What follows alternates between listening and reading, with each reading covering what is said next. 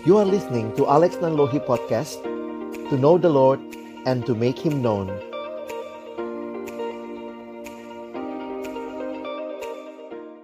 Pertama-tama saya bersyukur buat kesempatan yang Tuhan berikan. Setiap kali seperti pujian kita ya Hidup ini adalah kesempatan dan kesempatan untuk melayani Tuhan. Jadi di tengah-tengah kesempatan yang indah ini kita bersyukur ya kepada Tuhan saya mengucapkan selamat TBC ya, tahun baru Cina ya. Jadi buat semua teman-teman yang tidak merayakan juga kita bersyukur ada hari libur gitu ya. Nah, uh, saya coba siapkan sebenarnya ini satu tema yang saya sendiri juga uh, sadar betul kita sedang sama-sama dalam perjalanan ya untuk memahami perubahan ini saya terus berpikir perlu terus banyak diskusi karena ya jujur aja kita belum ada yang sangat expert dalam hal ini. Jadi karena itu saya juga berharap nanti sharing dari teman-teman juga ya bisa sama-sama melihat apa yang menjadi peluang ya dalam pelayanan kita secara khusus. Nah, jadi bagian saya adalah bicara pelayanan perkantas di era digital. Teman-teman kita ada dalam dunia yang memang sedang sangat cepat berubah. Very fast changing world. Ditambah lagi secara khusus situasi yang kita alami dengan corona ini ya membuat akhirnya pelayanan digital ini sebenarnya kan uh, pelayanan digital ini kita sudah pikirkan sebenarnya dari beberapa tahun lalu secara konteks perkantas tapi kayak kita dipaksa gitu ya dengan corona ini satu tahun terakhir untuk memikirkannya lebih serius, bahkan mulai mencoba. Yang dulu rasanya nggak mungkin, sekarang akhirnya jadi mungkin ya, dengan situasi dan kondisi yang ada.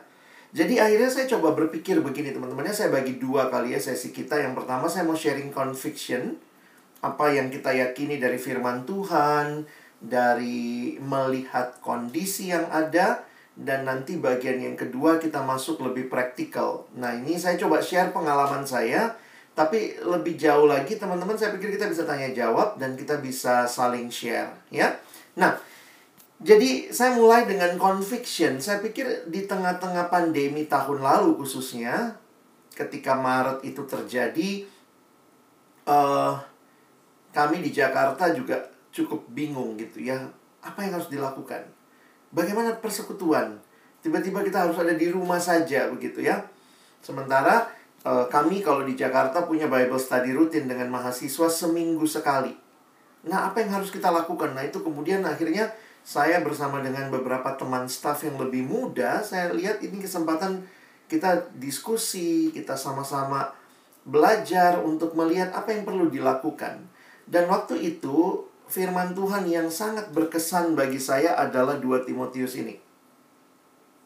2 Timotius 4 ayat 2 dan 5. Di dalam ayat yang keempat dikatakan, eh, pasal 4 ayat yang kedua dikatakan, Beritakanlah firman siap sedialah baik atau tidak baik waktunya. Nyatakanlah apa yang salah, tegurlah dan nasihatilah dengan segala kesabaran dan pengajaran.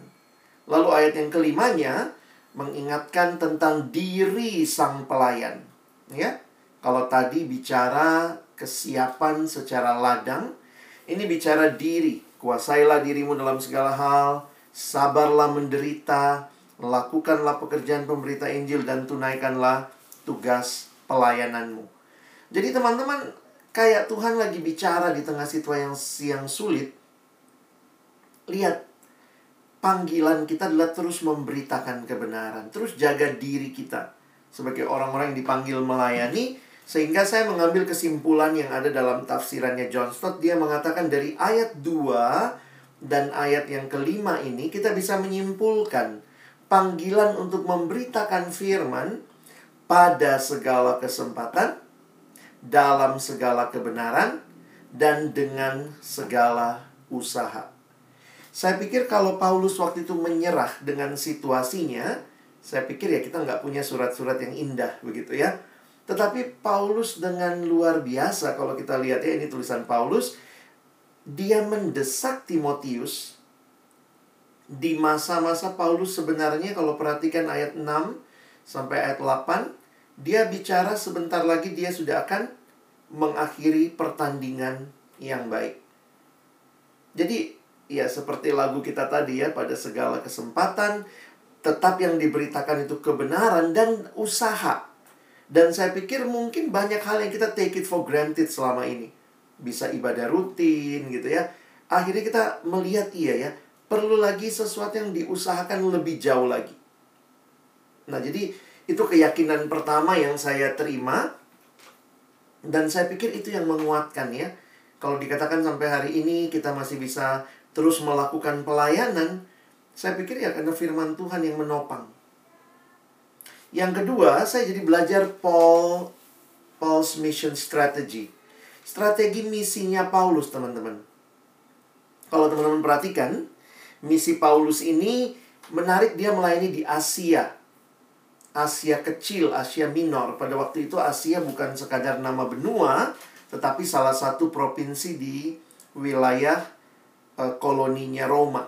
Teman-teman bisa lihat itu ya, kalau kalian dekat itu peta Asia dan Paulus kemudian base di kota Efesus. Efesus ini kota pelabuhan dan Paulus base ada di situ. Menariknya apa? Perhatikan catatan kisah Rasul 19, ya. Nah, mungkin kalau kalian baca secara keseluruhan, Paulus kemudian tiba di Efesus, lalu di situ ada beberapa murid. Nah, saya mau fokus kepada ayat 9 dan 10. Tetapi ada beberapa orang yang tegar hatinya, mereka tidak mau diyakinkan malah mengumpat jalan Tuhan di depan orang banyak. Karena itu Paulus meninggalkan mereka dan memisahkan murid-muridnya dari mereka dan setiap hari berbicara di ruang kuliah Tiranus.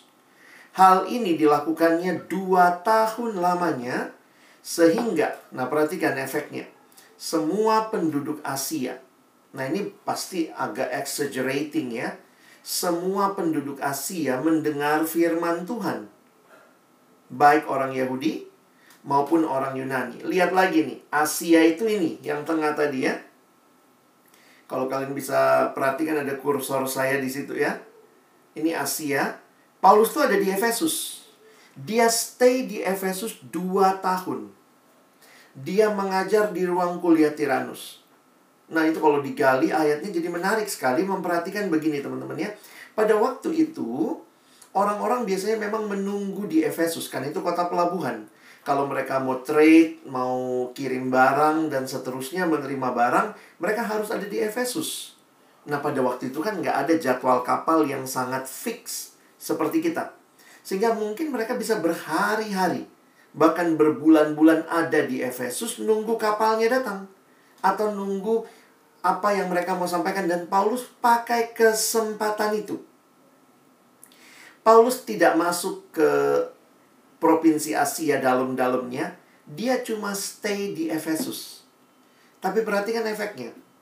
Dua tahun dia stay, dia pelayanan di ruang kuliah Tiranus, orang-orang dari berbagai wilayah datang ke Efesus, ternyata ikut kuliahnya Paulus, dan mereka pulang, ini dikatakan seluruh Asia mendengar Injil. Mendengar firman Tuhan.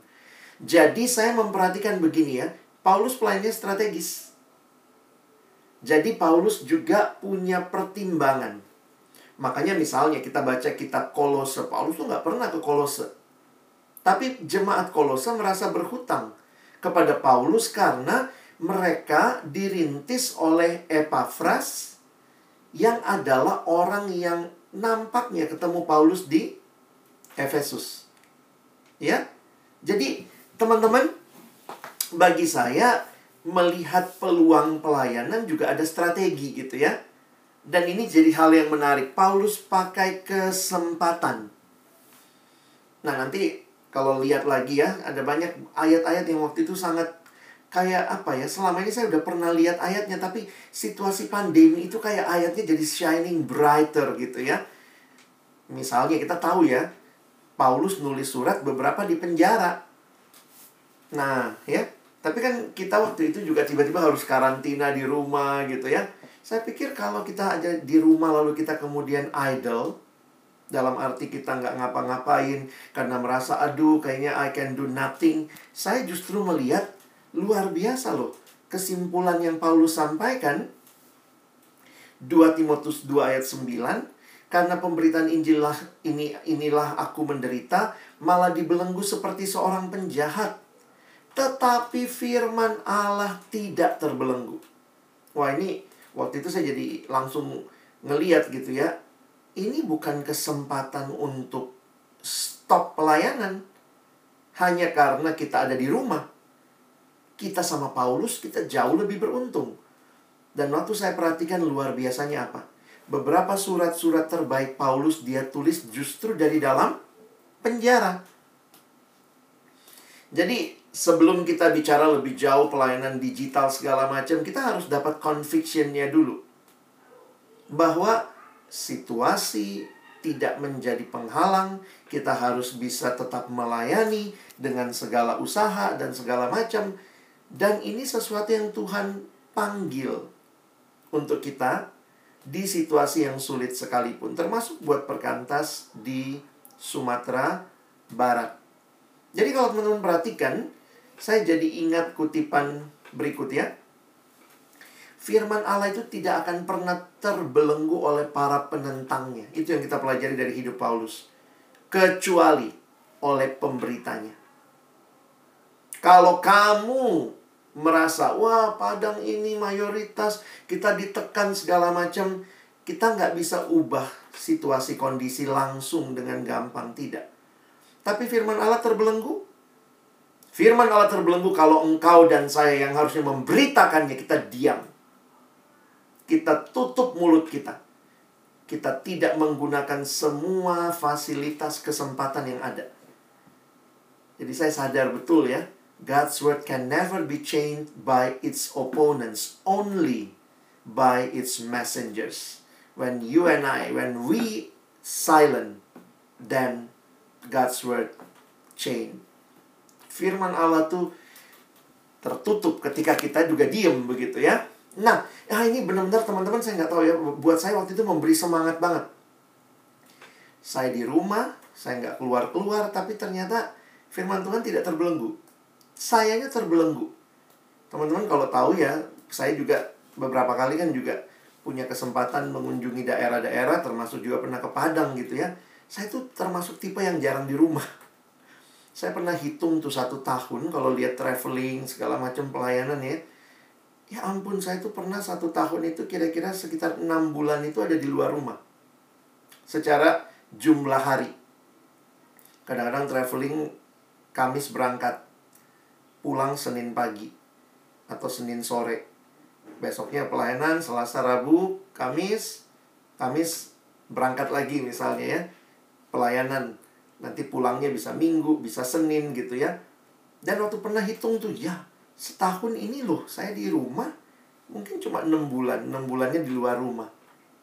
Tapi waktu saya perhatikan kesempatan saya ada di rumah kali ini malah dalam anugerah Tuhan tuh ya saya belum pernah ke Papua tapi selama online malah sudah pernah ke Papua beberapa kali gitu ya pelayanan online. Jadi saya jadi sadar begitu ini cuma masalah bukan masalah kita ada di mana tapi kita punya keyakinan yang dalam nggak akan hal ini.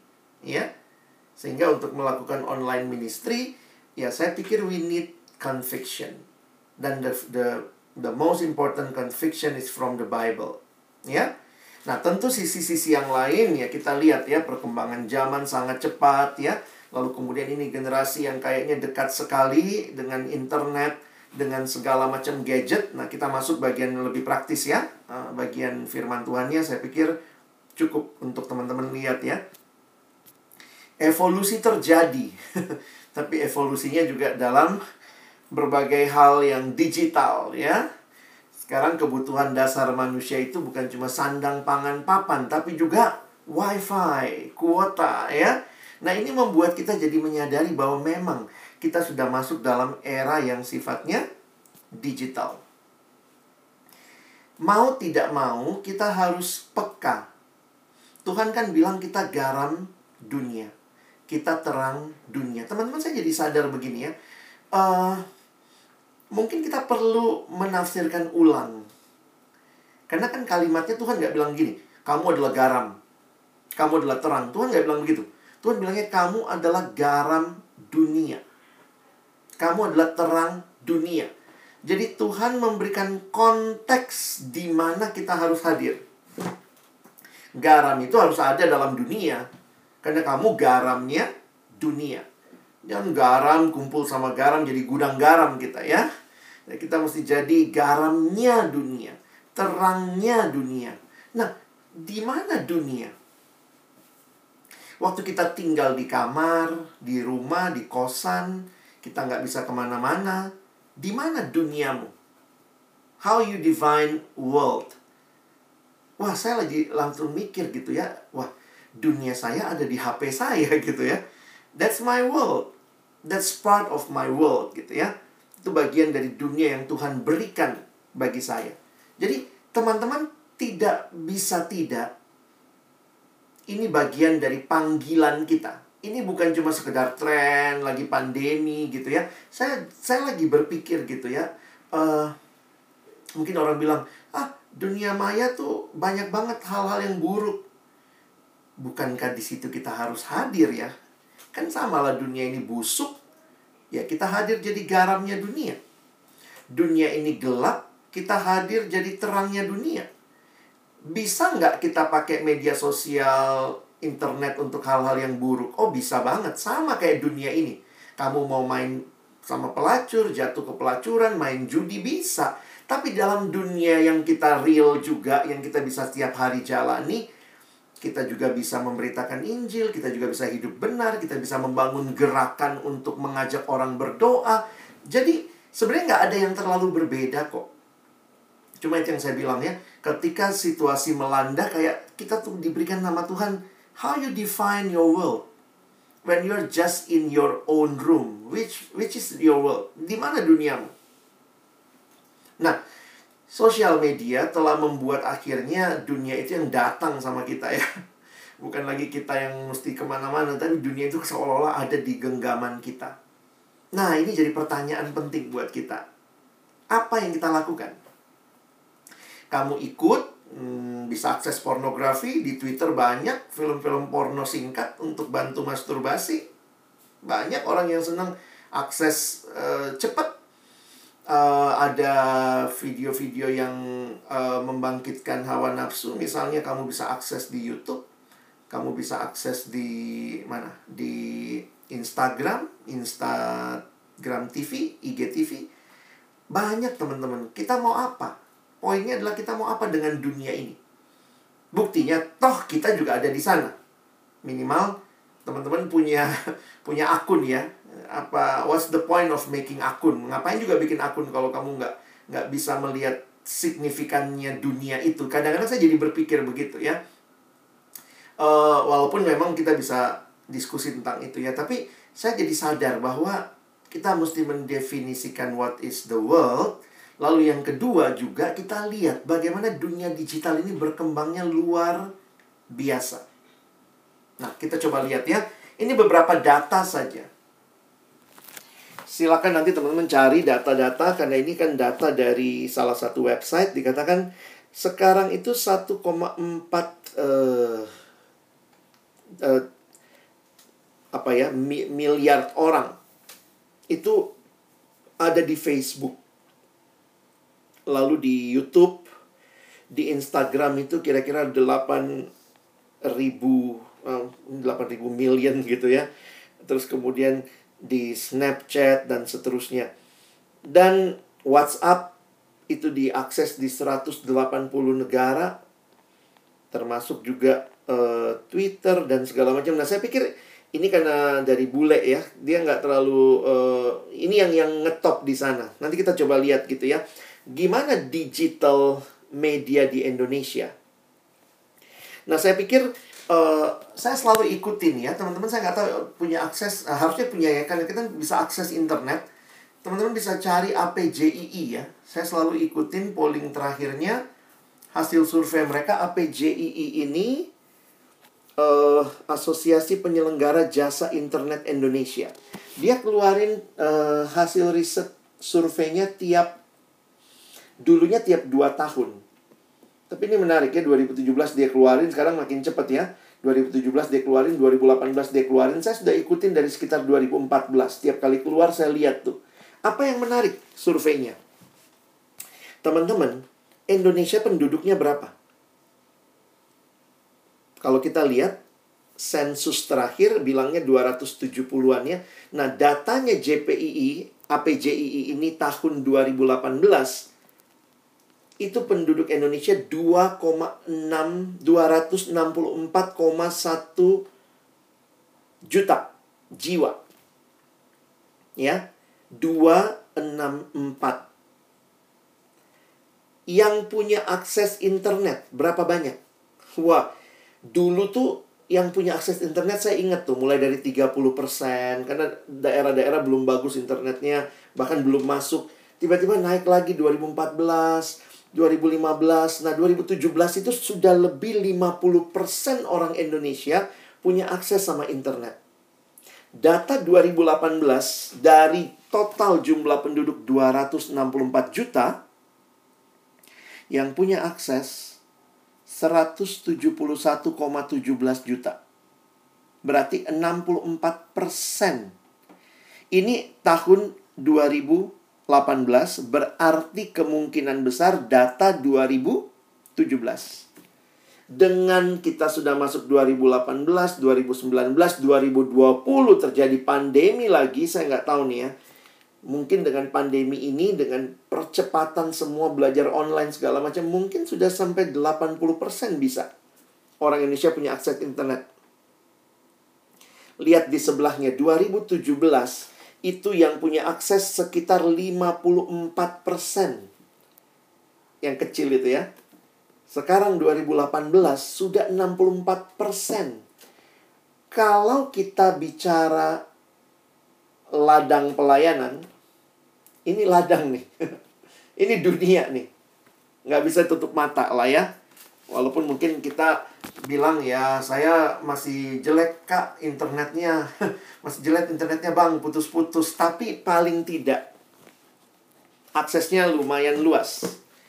Teman-teman tahu Padang, Sumatera Barat secara khusus ya itu tertiga ketinggi di Sumatera dari surveinya mereka pengakses internet ketiga tertinggi kayaknya ya kalau saya lihat itu.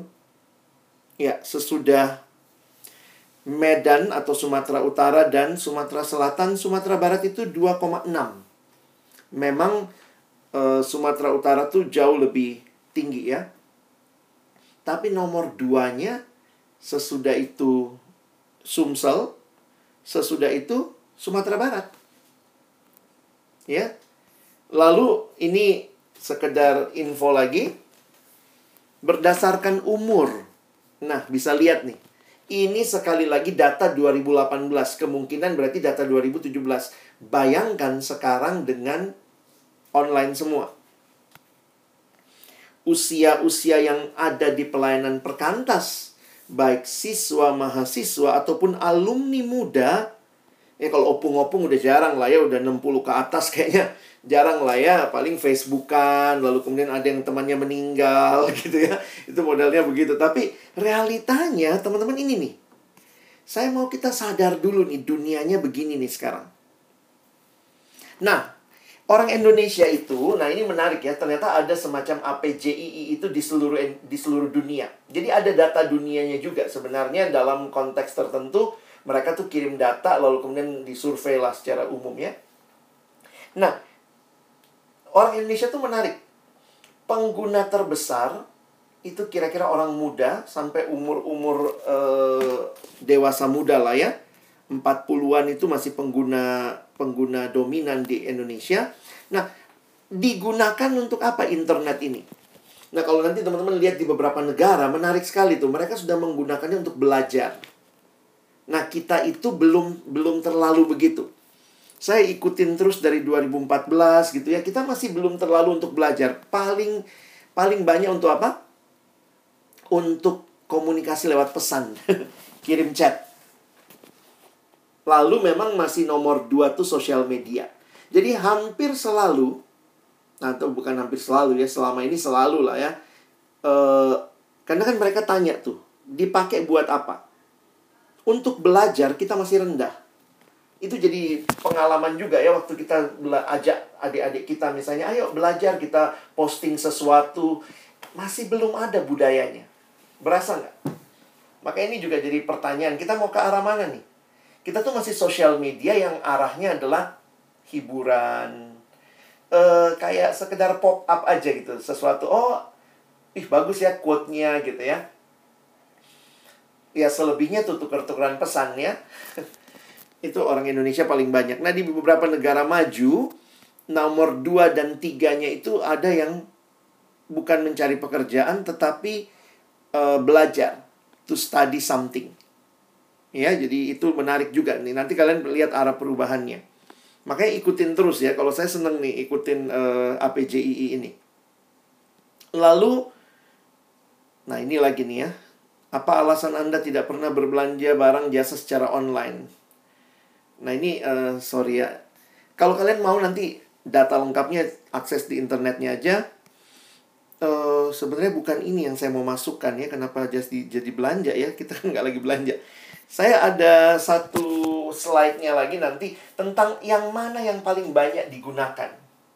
Ya, kita tuh masih paling banyak di Indonesia khususnya masih banyak sekali anak-anak usia nah dia dia ngitungnya semua ya masih lebih tinggi Facebook. Facebook itu masih jadi uh, utama. Nah, teman-teman perlu melakukan, menurut saya ya, perlu melakukan survei. Mungkin sederhana lah, pakai pooling-pooling sederhana terhadap adik-adik yang kita layani. Banyaknya di mana? Nah, mungkin uh, dugaan saya kalau di kota besar itu Instagram, kalau anak-anak muda. Facebook sudah mulai ketinggalan. Tetapi kalau kalian pergi ke daerah-daerah yang agak sulit, karena Instagram itu tuh kalau tidak terlalu bagus jaringan, sulit juga. Tapi ya syukurnya karena videonya kan singkat-singkat yang di story itu cuma 10 detik ya. Tapi masih banyak kalau kalian ke Indonesia bagian timur, itu jarang siswa punya Instagram. Unik juga tuh ya. Karena saya keliling-keliling, jadi kalau datang ke kota tertentu tanya dulu nih. Kadang-kadang kita kasih contoh, saya di Instagram. Hah? Instagram dia nggak make gitu. Dia pakainya Facebook gitu ya. Nah Facebook kan sempat booming. Nah di data APJII Indonesia masih cukup tinggi Facebooknya. Ya. Nah survei yang menarik juga yang kalian perlu pelajari adalah surveinya bilangan research. Bilangan research pada tahun 2018 awal juga mengeluarkan research tentang orang muda dengan sosial media. Nah, itu uh, hasil researchnya juga ada. Nah, itu yang menarik adalah dia mensurvei kira-kira 4.000 orang. Nah, tapi kemudian dia memberikan masukan khusus untuk gereja. Nah, saya ambil beberapa slide-nya di sini ya. Nih misalnya, dia kasih kesimpulan generasi muda dan media sosial. Ini kesimpulannya datanya ada di uh, kalian bisa akses dia punya uh, saya punya sih ya. Kalau ini saya nggak tahu nanti di internet cari di mana ya tapi saya punya datanya. Aktif tidaknya dalam menggunakan internet tidak mempengaruhi kedalaman spiritualitas generasi muda. Nah ini menarik nih. Temuan mereka rajin-rajin make belum tentu juga dia punya kerohanian yang baik. Lalu kalau begitu yang membuat orang di, bisa dikatakan punya kerohanian yang baik. Nah, perhatikan nih. Yang mempengaruhi kedalaman spiritualitas adalah tujuan penggunaan. Nah, saya langsung masuk praktis ya. Berarti ajarin adik-adik kita di persekutuan, kelompok kecil atau pembinaan, ajarin apa tujuannya menggunakan itu. Ingatkan terus motivasi menggunakan. Karena bukan sekedar kalau dia rajin online maka dia rohaninya baik, tapi tujuan onlinenya apa dan yang kedua jenis kontennya apa. Nah ini yang kadang-kadang saya pikir juga gitu ya. Ketika pernah dikatakan survei ya waktu internet aja lah. Satu hari itu situs porno bertambah kira-kira 2000-3000 situs. Satu hari loh. Berapa banyak postingan orang Kristen jadi kalau begini, sederhananya. Kalau anak muda, anak remaja bilang, saya nggak tahu mau akses yang mana. website gereja syukur-syukur diupdate warta, warta jemaat, laporan keuangan. Nggak menarik, tampilannya juga biasa aja gitu. Nggak ada opsi. Sementara situs porno nambah 2000-3000 situs per hari. Situs Kristen. Orang Kristen postingnya aja malas-males gitu ya. Kadang-kadang saya mikir Tuhan, jangan-jangan kami ini mesti memaknai lagi kehadiran kita di dunia ini gitu ya. Ya, saya saya secara pribadi melihat uh, bukan berarti mereka boleh berdosa karena nggak ada konten yang diakses ya, tapi saya juga sadar gitu. Kita nggak memprovide mana website yang bagus. Saya bersyukur lah ada warung sate kamu sekarang, ya, ada website-website lain, tapi rata-rata dalam bahasa Inggris misalnya. Jadi itu juga jadi pergumulan sebenarnya ya eh, termasuk buat pelayanan kita. Saya sadar betul juga kita perkantas belum cukup invest lah. Buka website kita juga orang males gitu ya. Ya, gambarnya biasa aja gitu ya. Kurang menarik dan seterusnya. Lalu, nah ini. Beberapa temuan mereka, waktu yang digunakan oleh anak muda untuk bermain game dan YouTube sudah lebih besar dibanding dengan waktu untuk menonton TV. Jadi ini generasi yang makin nggak nonton TV Maksudnya bukan berarti kita nggak hadir di TV ya. Silahkan lah mau ada TV Kristen segala macam. Cuma saya pikir sekarang kita mesti coba lihat di mana anak-anak kita main. Kalau kita mau mancing ikan, pergilah ke kolam. Jangan mancing di bak mandi, nggak ada ikannya di situ. Kalau kita mau melayani anak muda, di mana anak muda kita? Di mana mereka orang itu main? Jangan pula kita main di tempat yang mereka nggak main. Lalu kita bilang pelayanan kita hadir. Tapi nggak jelas hadir untuk siapa dan hadir jangan-jangan hadir untuk diri kita. Kita merasa senang. Tapi tidak ada orang di situ. Ya, kira itu kira-kira cara pandangnya ya. Lebih dari 20 responden menghabiskan waktu lebih dari 4 jam untuk bermain game ataupun streaming video YouTube. Ini udah realita. Tanya anak-anak remaja ini umumnya ya kalau ada yang tidak begitu ya puji Tuhan ya tapi anak sekarang tuh cara menghabiskan waktunya nih youtuber uh, nge, YouTube kira-kira begitu ada sekitar 20 persen responden yang mengaku sama sekali tidak pernah bermain game atau menonton YouTube tipe anak muda seperti ini lebih banyak berasal dari kelompok anak muda perempuan Nah mungkin juga karena di daerahnya sinyalnya nggak terlalu bagus. Cuma poinnya abang begini, teman-teman coba uh, lakukan penelitian sederhana saja, nggak usah terlalu ini ya. Tapi paling nggak test the water gitu ya. Ini yang kita layani ini ada di mana? Dari situ kemudian nanti jadi masukan sebenarnya platform apa yang perlu. Jangan-jangan di Padang anaknya masih Instagraman atau enggak mereka udah nggak di Instagram sekarang di TikTok jadi kita akhirnya bisa coba lihat ya. Nah, sehingga mereka keluar dengan beberapa masukan. Ini masukannya memang buat gereja ya, bilangan riset banyak bicara untuk gereja. Bagaimana gereja menyikapi perkembangan teknologi digital dan media sosial. Lihat ya, lihat saran-saran mereka. Bagi saya menarik nih. Tetapkan strategi penggunaan digital dan media sosial. Jelas bikin goalnya tetapkan toolsnya yang mau dipakai dan buat policy.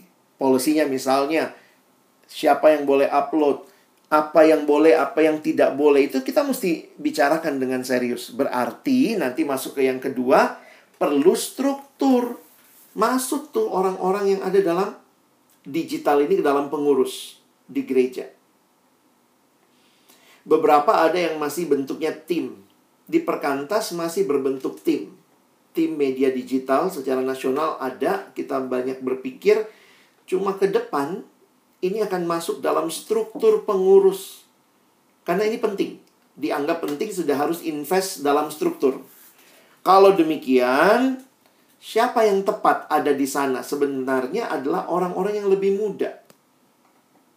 Ini untuk gereja sangat terobosan banget ya. Kalau kita di perkantas memang pengurus PMK-nya mahasiswa, pengurus persistennya uh, apa uh, anak siswa tapi kalau di gereja bayangkan anak muda jadi akhirnya punya tempat dulu-dulu anak muda tuh kayak tamu di gereja ya. Eh begitu digital, eh minta tolong deh, tolong rekam, tolong edit gitu. Jadi saya melihat luar biasa ya cara Tuhan akhirnya anak muda terlibat. Nah ini ingat dibuat oleh bilangan research 2018 belum pandemi. Keempat, nah ini kalau Indonesia harus punya anggaran 10% untuk pendidikan, wah. Maka prediksinya bilangan research gereja, mungkin kalau saya bawa ke perkantas persekutuan, harus mengalokasikan budget untuk pelayanan digital 5 sampai 20%. Itu sudah jadi bagian penting. Apakah ini kita lakukan? Nah, ini yang kita mesti pikirin ya. Nah, ini sekali lagi ini masukan dari apa yang mereka lihat. Secara nasional kita mikir juga sih ya. Perlunya gimana? Nah, yang kelima, kolaborasi. Karena apa? Teman-teman kita tuh nggak nggak expert. Kita perlu belajar dari lembaga lain. Pelayanan yang berbasis digital. Nah, secara khusus saya melihat uh, yang cukup serius dan sudah secara internasional sebenarnya itu LPMI. Saya nggak tahu di Indonesia-nya, tapi LPMI secara internasional itu sudah beralih ke pelayanan digital. Jadi mereka punya PI online pakai bahan solarium. Nanti saya contohin. Mereka punya uh, website yang bagus. Jadi mereka tuh memang beralih ke sana. Investnya tuh besar banget. Sedunia dan mereka terjemahin ke berbagai bahasa. Nah, saya lihat kita perkantas nggak demikian ya. Ya, entah satu sisi memang perkantas sangat independen. Setiap daerah itu indigenous, jadi tidak dipaksakan dari internasional sampai ke daerah. Kalau LPMI cukup kuat, strukturalnya dari atas sampai ke bawah. Nah, jadi mereka memang sudah sangat digital. Nanti kita perlu belajar dari mereka. Jangan bilang, ah, LPMI jelek-jelek staffnya. Tapi dalam hal ini kita perlu belajar dari mereka. Maksudnya jangan jangan melihat cuma satu sisi ya.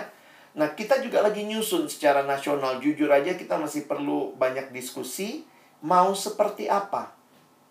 Jadi memang hari ini juga kalau kalian bilang kami mau diskusi Bang akan seperti apa kira-kira saya juga jujur harus katakan ya ayo diskusi.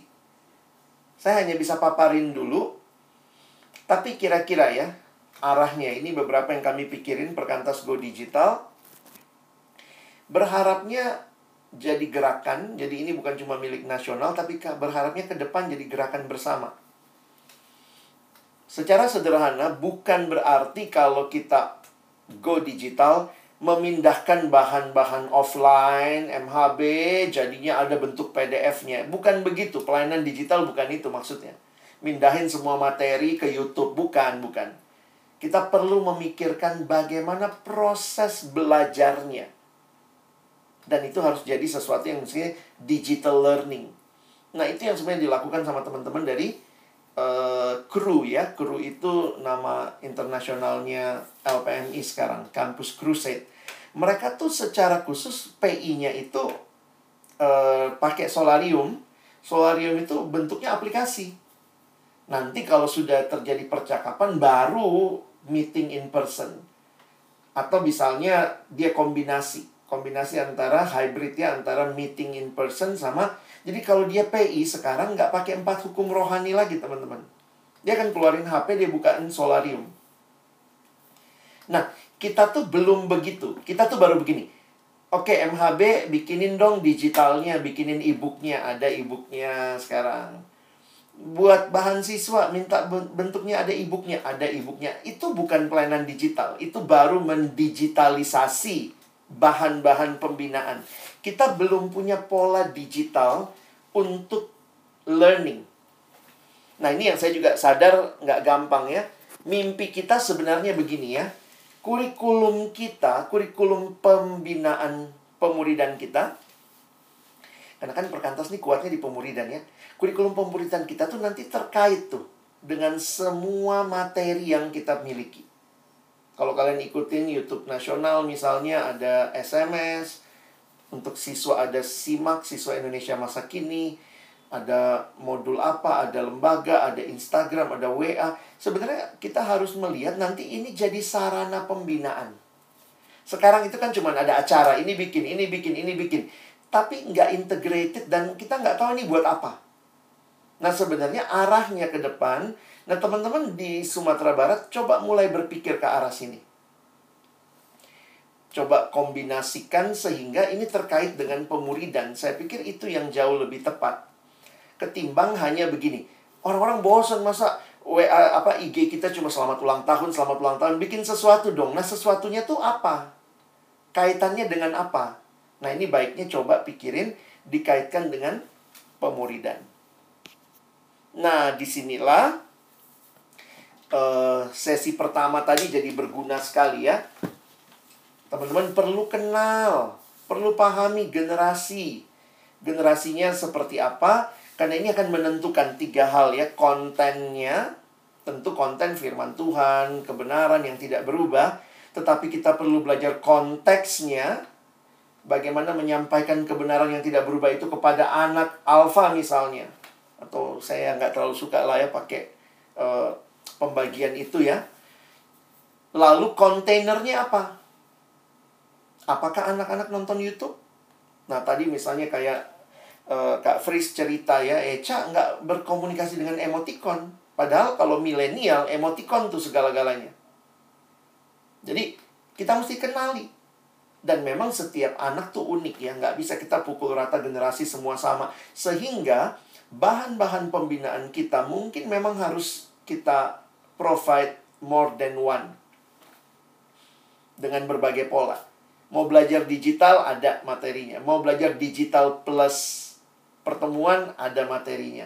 Mau belajarnya hanya uh, offline ada materinya. Jadi kayaknya ke depan kita akan bisa lebih kreatif sebenarnya tergantung siapa yang kita layani. Nah, sehingga uh, saya lewatin lah ya ini tentang epic generation karena saya pikir ini salah satu yang bisa cukup merangkum sebenarnya. Ini generasi yang experiential, participatory, image driven dan connected. Dari mana lihatnya? Sederhana sekali ya, memang ini sekali lagi generalisasi yang terjadi juga, tapi ini terlihat jelas dari medsos. Teman-teman lihat media sosial. Instagram waktu pertama kali keluar itu hanya pure posting gambar. Berangsur-angsur ada videonya sekitar tahun 2016 mulai bikin Insta Story. Lalu kemudian mulai ada bisa bikin pool, bisa ngetek, bisa stiker, sorry ya. Nah, teman-teman lihat, pengembang media sosial itu sangat memperhatikan generasi yang mereka layani. Ini generasi yang tidak mau terlalu lama lihat sesuatu ya udah bikin story 24 jam expired. Tapi kemudian ada yang bilang, ih aduh storynya bagus banget kemarin kok expired. Mereka mikir lagi, oh kita bikin highlight di Instagram. Jadi teman-teman saya akan, saya lihat begini, mereka tuh baca generasi, lalu mereka sediakan apa yang generasi ini. Ini generasi yang suka stiker, bikinin stiker ini generasi yang senang terlibat. Jadi jangan cuma posting. Dia bisa ikut nge-like. Dia bisa ikut kasih apa polling. Dia bisa ikut yes di situ. Teman-teman lihat, jadi sebenarnya itu bisa kita manfaatkan di dalam postingan-postingan kita karena apa? Semua yang disediakan sebenarnya dibaca oleh sang pembuat itu. Ya. Jadi uh, saya pikir ini sisi-sisi yang jangan dilupakan. Orang tuh tidak mau hanya tahu, tapi dia mau experience. Karena itu biasanya sekarang ada kolom dia bisa kasih komen ya. Karena zaman dulu tuh waktu saya lihat awal-awal nggak ada tuh kolom komen cuma nge-like doang gitu ya. Nah itu teorinya uh, ada lagi gitu ya dalam waktu lain mungkin bisa kita bahas. Tapi kalau saya bahas teori generasi maka kita memaksimalkan media sosial yang sudah sangat membaca generasi. Coba lihat, hampir semua ini kan ada kolom untuk merespon, memberi like. Kenapa? Ini generasi yang senang terlibat. Mereka nggak cuma mau datang lihat gitu. Tapi terlibatnya pun juga nggak gampang. Kita mesti buat sesuatu yang membuat mereka terlibat akhirnya. Nah, jadi ada keterlibatan secara utuh, interaksi yang dalam bukannya share knowledge, sehingga saya tetap melihat teman-teman kita jangan main di dunia maya terus. Kita tetap butuh mentoring personal. Jadi sebenarnya kan dalam pelayanan kita kita sadar betul ya walaupun ini online tapi bukan berarti kita akan online terus kan kita butuh teman berjalan bersama yang saya harap juga hadir secara online maupun offline juga jadi online offline bukan masalah kalau sekarang hanya bisa online maka maksimalkan yang online berpikir dengan kreatif kreativitas itu apa sih Orang kreatif itu bukan yang gampang lucu-lucu. Oh, dia banyak lagunya. Kalau permainan banyak gamesnya. Bukan. Kreativitas itu masalah berhubungan dengan proses mikir. Jadi siapa yang kreatif yang mau mikir? Kalau kamu nggak mau mikir, meskipun kamu punya banyak resource, kamu nggak akan kreatif. Tetapi orang yang mau berpikir, dibantu dengan banyak resource, dia bisa pakai. Jadi kreativitas, ya. Jadi kemampuan untuk membuat kombinasi baru berdasarkan data informasi unsur yang ada.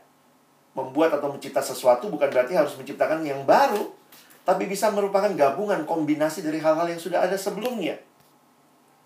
Jadi kreatif itu mikir, gabungin, kombinasiin dan seterusnya. Jadi saya lagi berpikir juga begitu ya, kami Jakarta baru tambah satu lagi staff media Eh, kita mesti berpikir serius. Kita banyak banget materi. Tulisan warta aja banyak banget. Itu bisa di, bisa dikemas kan? Bisa dicuplik, dijadikan quote hari ini. Bisa dikirim ke alumni lewat WA setiap pagi. Banyak materi kita. Uh, materi kemarin, kebaktian, pembinaan. Ada kalimat-kalimat kunci yang bagus. Bisa kita jadikan quote. Bisa kita bikin story Sebenarnya banyak nih. Kita aja yang mungkin perlu mengkombinasikan, kan nggak mesti bikin yang baru sama sekali. Nah itu itu semua butuh mikir, butuh duduk. Nah nanti teman-teman akan lakukan itu ya mikir apa yang bisa kita lakukan ya. Saya selalu ingat Tuhan Yesus. Tuhan Yesus nggak pernah minta yang kita nggak punya. Masih ingat waktu Tuhan tanya sama uh, muridnya, apa yang ada padamu? Terus dicari-cari lima roti dua ikan ya udah dari situ Tuhan berkati. Jadi ini menarik ya. Uh, ada buku Creative Church. Tujuan kreativitas bukanlah demi kreativitas itu sendiri. Bukan pula demi menguasai, mendominasi, tapi untuk kemuliaan Allah dan bawa berkat bagi sesama. Karena itu saya mendorong ya kalau anak teman-teman nanya, jadi abang kayak apa bisa bisa lakukan ini dan itu? Ya kunci saya adalah coba. Belajar aja terus, berani nyoba nggak ada yang namanya follower itu nambah satu malam gitu ya apalagi kita kan bukan artis bukan siapa gitu ya ya setia aja gitu. Belajar lihat kesempatan di dalam perubahan ya. Change and chance itu tipis bedanya. Nah saya tutup dengan beberapa tips lah ya. Tapi ini prinsipnya saya udah sampaikan semua. Masalah sosial media. Uh, saya selalu ingat kalau bicara sosial media, salah satu alogor algoritmanya sosial media itu masalah follower. Nah, teman-teman, kalau mau bersosial media, buang dulu jauh-jauh masalah cari banyak follower. Maksud saya begini loh, sadar betul kita bukan orang yang apa ya, public figure yang gimana-gimana banget. Kita orang yang mungkin yang kenalnya cuman ya adik kelompok kecil kita aja gitu ya. Tapi saya harus katakan begini teman-teman udah dengar ya yang uh, saya sama Christopher tapi Heru kita diskusi tentang uh, di room line ya gadget in life gitu. Saya ingat ayat ini. Follow my example just like I follow Christ. Ini kalimat Paulus ikutilah aku sama seperti aku mengikut Kristus. Teman-teman waktu bicara sosial media selalu kan algoritmanya itu adalah ada follower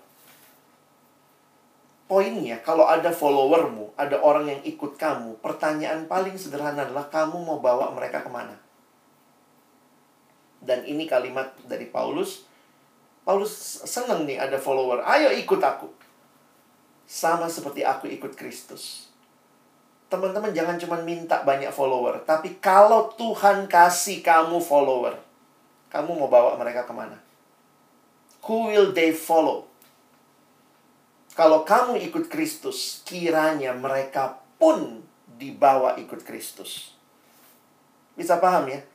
Jadi ya saya sadar betul ya kita kadang-kadang tuh algoritmanya gimana supaya banyak follower, gimana nambah follower. Sampai tapi kita nggak mikir nih, kalau udah ada follower, kamu mau bawa dia ke mana? Ya. nah, jadi uh, ini beberapa prinsip lain masalah medium sama message. Nah, ini memang diskusinya juga bisa panjang tapi dulu dulu begini. Dulu sering kali media sosial itu adalah alat untuk membawa orang masuk ke pesannya. Jadi misalnya gini, oh kita posting lah, ada pembinaan. Nah, nanti orang datang pembinaannya, di pembinaannya itu pesan Injilnya. Oh, bertobatlah, kerajaan Allah sudah dekat. So, saya melihat juga masih banyak nih yang dikotomi ya sosial media untuk posting acara kita aja. E, nanti ada acara ini, pembicaranya abang ini. Nanti ada acara ini, pembicara kakak ini. Jadi, belum bicara something. Tetapi now, the medium is the message. Nah, itu yang terjadi dengan beberapa teman yang kalau kalian lihat Instagramnya tuh, sudah bukan, ayo datanglah acara ini, tapi acara itunya yang diposting. Nah, khotbahnya yang ada di acara itu yang disampaikan. Karena the medium is the message bukan lagi this is the medium that is the message. That is not something uh, bukan dua hal yang terpisah ya. Lalu yang kedua ini masalah popularitas versus kesetiaan. Nah kadang-kadang kita tuh begitu nggak ada yang nge-like nggak ada yang follow berkurang kesetiaan kita untuk posting ya. Untuk beberapa teman ya saya pikir juga Poinnya adalah gini, kita lagi cari popularitas kah? Atau kita belajar setia aja gitu? Ya, saya juga sadar betul kan ya, uh, nyari follower tuh susah loh. Ada yang mau follow kita tuh syukur-syukur. Makanya selalu ingatkan tanggung jawab orang udah follow kita, kita mau bawa ke mana. Dan kalau yang baca, setiap hari yang baca satu orang saja, kita mau setia nggak layani satu orang itu? Jangan-jangan kita tuh kalau dikit yang nge-like, dikit yang follow, lalu males gitu. Ngerasa, ah ngapain gitu, wasting time. Nah, saya nggak tahu ya, tapi cara pandang saya berubah waktu melihat kalau saya sekedar posting untuk dapat follower, dapat like, ketika nggak dapat like, saya berhenti posting. Tapi saya senang dengan kalimatnya Christopher ya di uh, wawancara kami dia bilang gini, "Kenapa saya posting? Bukan karena supaya dapat follower, tapi karena saya followernya Christ. Saya setia aja posting. Makanya yang diposting itu kalau buat saya apa yang saya alami sama Tuhan. Saya lagi hotbain apa, saya dapat apa, saya dapat berkat apa, itu aja yang diposting. Santai aja kan? Kita nggak bicara sesuatu yang kita posting adalah supaya dapat banyak like nggak begitu kalau tujuannya like sih sedih amat gitu ya bukan itu tujuannya. Kadang-kadang kita nggak dapat. Lalu yang terakhir mungkin ya prinsipnya yang saya mau garis bawahi ingat dunia maya dunia nyata itu dua dunia tapi overlapping. Karena itu hadirlah tapi juga jangan cuma baik di dunia maya. Di dunia maya baik banget gitu ya. Kalau ketemu langsung ya elah. Kalau di dunia maya bisa begitu mentampilkan sesuatu yang baik, tapi dunia nyata juga harus baik. Ya, jadi di sisi lain juga begini. Ada yang di dunia nyatanya baik. Ini saya dengar dari seorang siswa yang datang sama saya dia bilang gini. Pemimpin kelompok kecilku, Kak, pakai dunia maya untuk ngomong kasar, ngomong kotor. Padahal dia pemimpin kelompok kecil. Jadi waktu itu kita panggil, kita ngobrol. Dek, perhatikanlah sosial mediamu. Terus kalimatnya ini yang bagi saya sedih sih. Emang itu kan sosial media aku bang. Terserah saya dong mau ngomong apa. Tapi saya bilang ingat loh. Sesuatu yang kamu posting di sosial media itu bukan cuma milikmu. Karena kamu udah postingnya ke sosial media. Meskipun kamu private, kamu close friend yang bisa baca. Tapi berarti bukan cuma kamu yang baca. Sehingga orang akan lihat siapa kamu juga dari postinganmu. Jadi kadang-kadang memang sekarang ini ada yang kayak hidupnya dualisme. Ada yang dunia nyatanya baik banget PKK yang baik. Di dunia maya maki-maki, gambar-gambar nggak bener yang diposting. Ada juga dunia mayanya baik banget, dunia nyatanya nggak bagus gitu. Nah ini saya pikir kita mesti ingat. You and I, we are follower of Christ in the virtual world and also in the real world ya actual world. Ya ini dua-duanya dunia yang harusnya kita tidak jadi bunglon di sini pakai warna ini. Kenapa saya mau tampil baik? Ini kalau ini Facebook saya terserah dong saya mau maki-maki saya mau apa saya pikir nggak demikian. Apa yang kamu posting biarlah lahir dari siapa kamu dalam Tuhan. Termasuk apa yang kamu hidupi dalam dunia nyata. Itu adalah sesuatu yang kamu nikmati bersama dengan Tuhan. Realit apa hidupmu ya, real life-mu. Oke. Okay? Nah, yang selebihnya sih ya ini yang saya lakukan lah ya. Saya juga sadar uh, karena kesadaran-kesadaran tadi ya yang teman-teman dengar dari Abang sampaikan, ya saya coba lah. Tentu awal-awalnya kan punya yang paling dasar dulu kan punya Facebook gitu ya. Tapi kemudian jadi sadar itu bisa jadi sarana pelayanan. Nah, saya uh, ya ini beberapa media yang saya juga main di situ atau saya ada di situ ya. Saya melayani lah kalau pakai istilah hari ini ya. Ini di Linktree saya gabungin semua. Ada YouTube, Instagram gitu ya. Ya mungkin sekarang lebih fokus ke Instagram kali ya. Ya, tapi ya semua juga ya dilakuin apa yang bisa gitu. Saya Twitter, Twitter saya nggak terlalu ini ya. Instagram, Uh, mungkin kalian bilang, iya abang banyak followernya ya. Ya elah, itu kan follower segitu dari satu. Satu yang follow. Saya sebenarnya pakai Instagram itu beberapa tahun lalu itu karena pulang retret anak siswa. Kakak-kakak ada Instagram nggak? Hah, apaan tuh?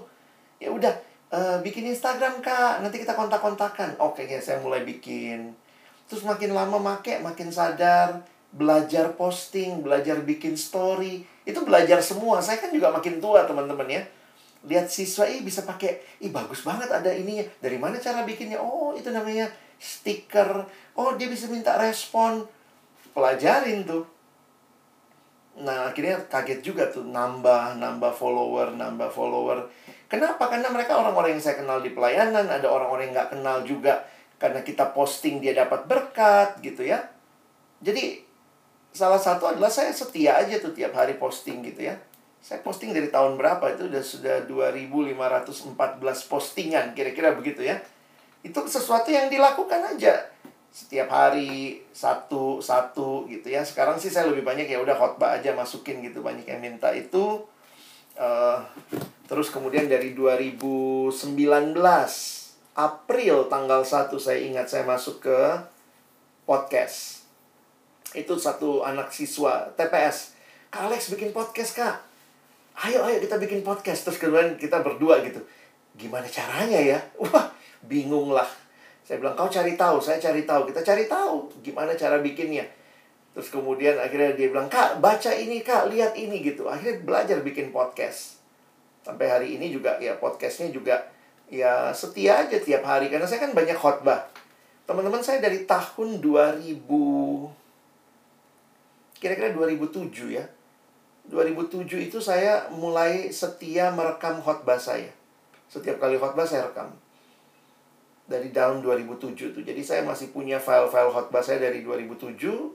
Dulu tuh saya setiap kali bulan saya bikin dalam CD itu saya kasih papa saya, papa saya dengar gitu ya khotbah-khotbah saya. Ya untuk internal aja, tapi ternyata itu jadi resource yang baik untuk bisa terus berbagi begitu ya apa sih yang apa yang kamu lakukan? Ya saya kan pelayan Tuhan ya ini yang saya lakukan. Khotbah ya udah khotbahnya direkam gitu ya di share begitu. Lalu eh, sebelah kanan itu YouTube ya YouTube juga ya eh, posting gitu ya belajar untuk posting dari awal punya YouTube begitu. Terus belakangan coba TikTok gitu ya anak-anak sekarang di TikTok ayo ikutan ya lihat apa yang bisa jadi peluang gitu ya ada yang dansa-dansa nari-nari ya saya nggak begitulah ya. Saya bukan tipe yang bisa ditonton tarian mungkin orang jijik kali ya. Yang saya punya orang banyak yang bilang kok belum seribu bang? Ya nggak apa-apa orang nggak nyari follower langsung kok. Tapi ada yang kemudian DM ajak ngobrol minta didoain. Ini ini yang saya ini kan gratisan semua ya. Saya nggak keluar biaya juga. Saya dari kamar semua ya. Sekarang lagi coba telegram karena saya pikir telegram juga jadi sarana yang baik. Beberapa orang uh, bilang bang uh, pernah buat telegram nggak? Saya dulu nggak make gitu tapi waktu saya perhatikan ada beberapa teman yang di situ ya coba berbagi dengan telegram. Dan kalau perkantas juga kan kita ada di YouVersion ya. Kalian bisa coba cari ya kita punya YouVersion itu dari The Bible itu sebenarnya kan bisa kita maksimalkan kita bisa pakai segala macam gitu saya pikir segala sesuatu yang sudah dikeluarkan jadi bahan di dunia digital itu sebenarnya sudah jadi milik publik. Ya, jadi kalau kalian mau retweet punya saya, mau posting ulang bagi saya no problem, silahkan aja begitu ya. Kadang-kadang dia bilang, aduh mau posting apa ya? Nah, apa yang mau diposting ya? Apa yang dibutuhkan orang lain bisa jadi begitu. Atau apa yang kamu nikmati. Ya. Nah, akhirnya mungkin yang terakhir, mesti belajar tingkatin skill ya. Saya belajar tuh, waktu mau bikin uh, podcast, akhirnya, oh ternyata alatnya atau apps-nya itu pakai Anchor.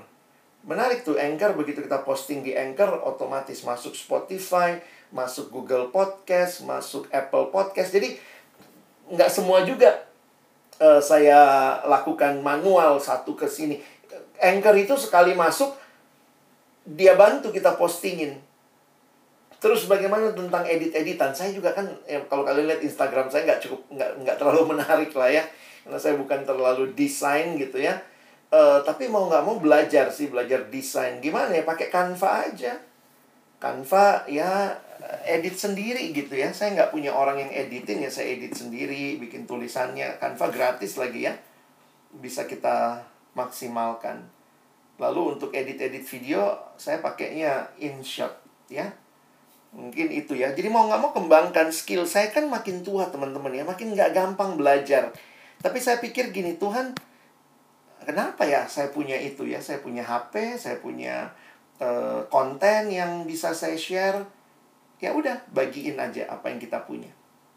Nah, kalau secara pribadi orang bisa berbagi, apalagi kita sebagai tim ya, misalnya kalian adalah pelayanan di siswa.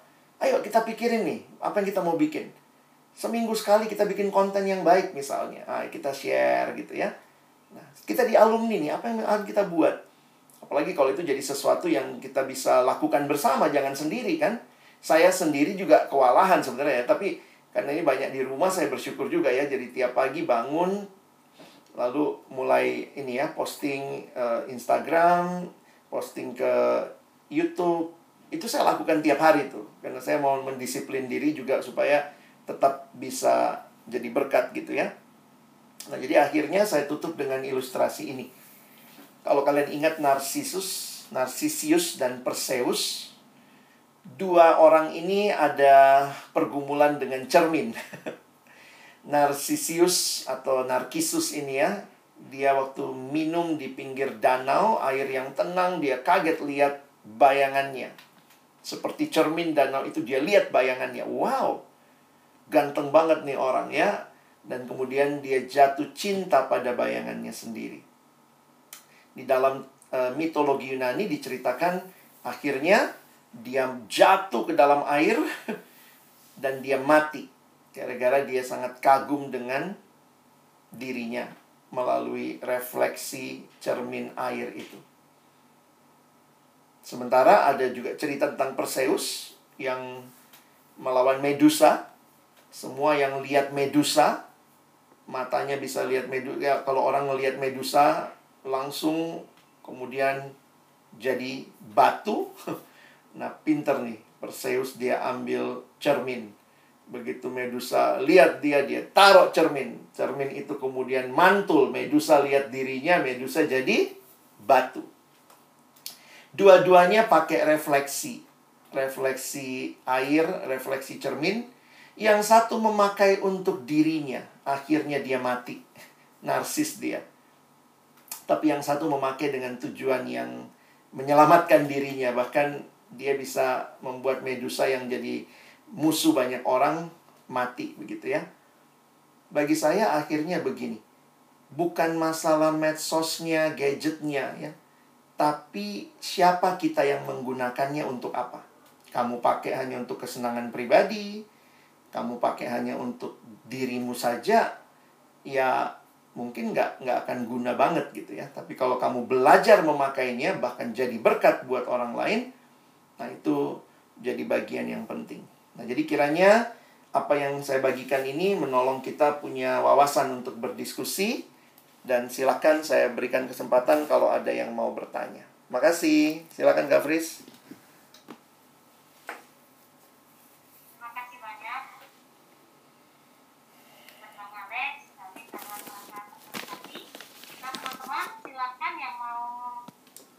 memberikan pertanyaan atau respon juga boleh, tidak mesti pertanyaan atau memberi tanggapan atau respon. Boleh uh, open mic, boleh juga melalui by chat, boleh by chat, boleh langsung yang open mic. Kita uh, beri kesempatan yang open mic dulu, langsung kasih aja simbol atau jempolnya atau lambaian tangannya di, di screen. Yang di ruangan ini juga boleh.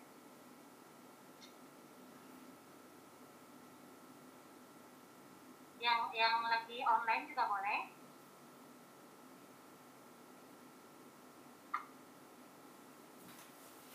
Uh, nanti bang kalau bisa uh, abang tinggalin apanya PPT-nya boleh. Banyak mau di screenshot mau diambil. Silakan. mau nyuri uh, mencuri ide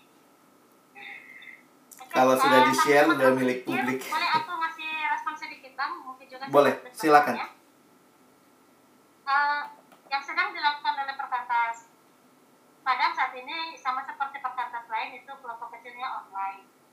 Nah, tapi dari survei yang tadi dilihat bahwa ternyata komunitas di Indonesia penggunaan internetnya itu belum untuk belajar, tapi hanya untuk fun. Saya berpikir, wow, sedangkan kelompok kecil online itu kan belajar, belajar, ya, belajar firman, atau berdiskusi gitu loh. Pantesan tidak terlalu menarik untuk orang lain. Nah, mungkin abang bagaimana bisa memberi tanggapan dari itu? Iya. Sampai teman-teman silakan uh, memberikan uh, pertanyaan baik atau uh, thank you kak Fris. Saya juga sadar masih niat, bang. oh iya. Sorry bentar. Thank you thank you kak Fris. Ya, saya sadar betul memang ini pergumulan besar ya. Uh, saya di awal-awal sampai sempat belajar juga sebenarnya um, yang namanya digital learning ya. Digital learning juga ada banyak pola belajar. Jadi sebenarnya banyak berharap sama teman-teman FKIP ya. Gimana ya pola belajar online ini? Karena sebenarnya gini, kalau mahasiswa atau siswa terbiasa belajar online, maka sebenarnya kita juga punya modal seperti apa belajar online-nya di kelompok kecil. Nah, tetapi juga di kelompok kecil ini uh, saya melihat ya dan bersyukurnya ini ini satu sisi syukurnya begini ya karena juga mungkin nggak ada pola di sekolah yang bagus banget ya di sekolah juga masih kayak belajar offline dipindahin online maka uh, teman-teman itu masih mau aja kelompok kecil kayak kita lagi offline. Contohnya ya kayak oke okay, ya silakan jawab nomor satu Oke, silakan nomor dua begitu ya. Mereka tuh masih mau aja loh.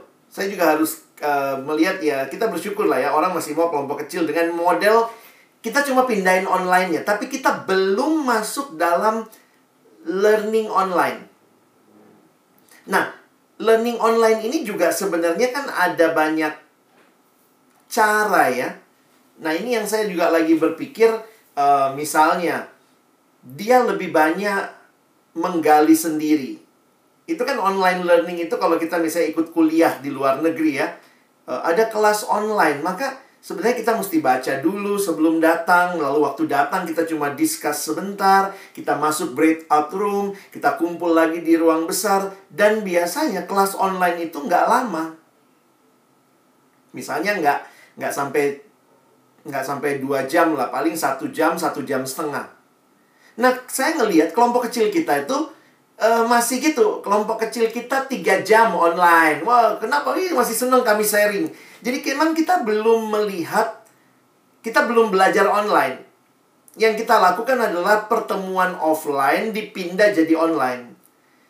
Nah, bagaimana model pertemuan online? Eh, kami di Jakarta sempat menyederhanakan bahan. Itu sempat terjadi. Tapi memang begini ya, balik lagi kemarin evaluasi kami ternyata bukan masalah bahannya sih.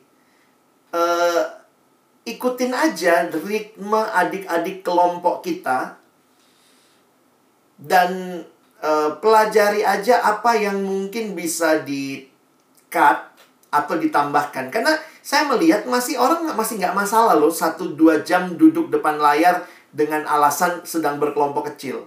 Tapi mungkin nanti kalau generasinya Eca, kelompok kecil dan mereka sudah biasa belajar online, itu akan mungkin berbeda tuh polanya. Jadi misalnya ya, sebenarnya kenapa kami bikin bahan baru, waktu itu saya munculin satu diskusi kalau kita hanya bertanya apa yang sudah ada di materi, itu sebenarnya bukan belajar online. Itu masih pola belajar yang lama. Misalnya gini ya, kita PA. Kita sering kali kan PA gini. Siapa yang berjalan di atas air? Nomor satu. Coba jawab, Dek. Yesus. Selesai diskusi kan? Itu bukan pola belajar online. Pola belajar online itu misalnya begini. Apa ya yang Yesus rasakan waktu dia jalan di atas air ya?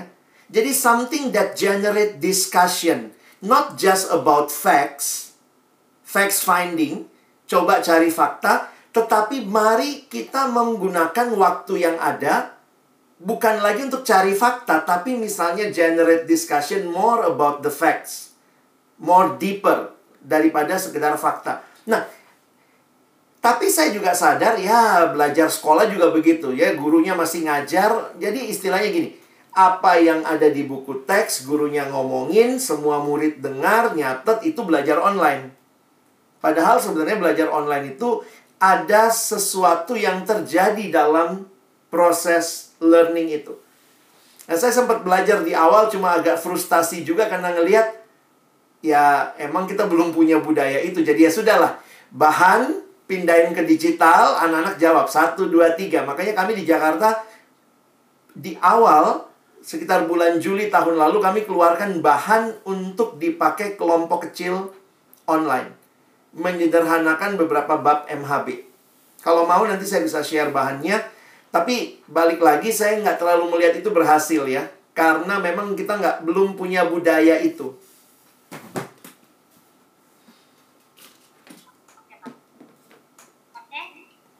Ada yang F-keep nggak di sini? Ada yang F-keep nggak? Hmm, itu menarik tuh, bisa jadi bahan bahan skripsi.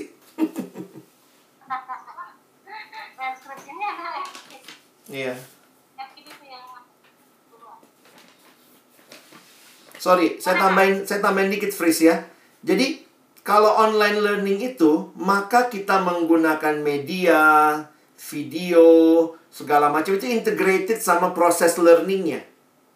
Nah itu yang sebenarnya kami lagi mau buat dengan uh, bahan perkantas digital nanti ya. Kita akan membuat MHB yang integrated only one click menuju video, menuju diskusi gitu-gitu. Ditunggu bang kalau sudah selesai. itu nada-nada mama sih bang ya. Takutnya, takutnya nanti orang beresponnya gini. Ih, jadi PA-nya nggak dalam dong bang ini yang nggak dalam. Kenapa? Kalau model seperti kita sekarang, kita harus sadar betul ya. Model perkantas kita belajar itu semua pembelajaran terjadi waktu kelompok.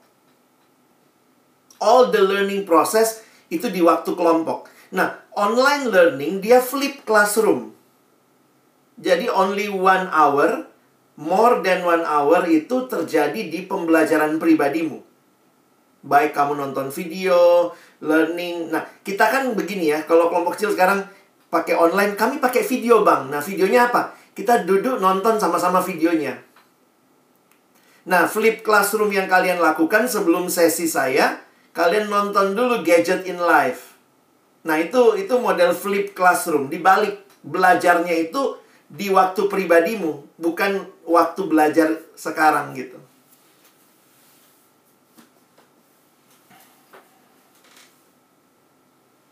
Oke, thank you, thank you Bang. Silakan teman-teman, ada yang mau open mic? Aku dulu. Silakan. Ya, eh, yang yang pertama tadi bang kan, Ya. eh, itu kan butuh. Ya kalau perkantas butuh. Sekarang harus lebih staff untuk mengelola itu, untuk digital ini. Eh, dan kalau eh, di di balik tempat ada tim yang secara voluntary mengerjakannya. Eh, kira-kira bagi ya seperti kami ini juga sedang mencoba menggarap itu dengan tim. Uh, kira-kira apa saran abang tentang uh, tim yang sifatnya voluntary ini? Karena karena memang uh, melihat bahwa itu kan seperti tadi seharusnya ada uh, yang terus-menerus konsisten mengerjakannya. Hmm. Itu yang pertama. Yang kedua, kenapa itu juga penting? Karena kan ada follow up-nya di baliknya.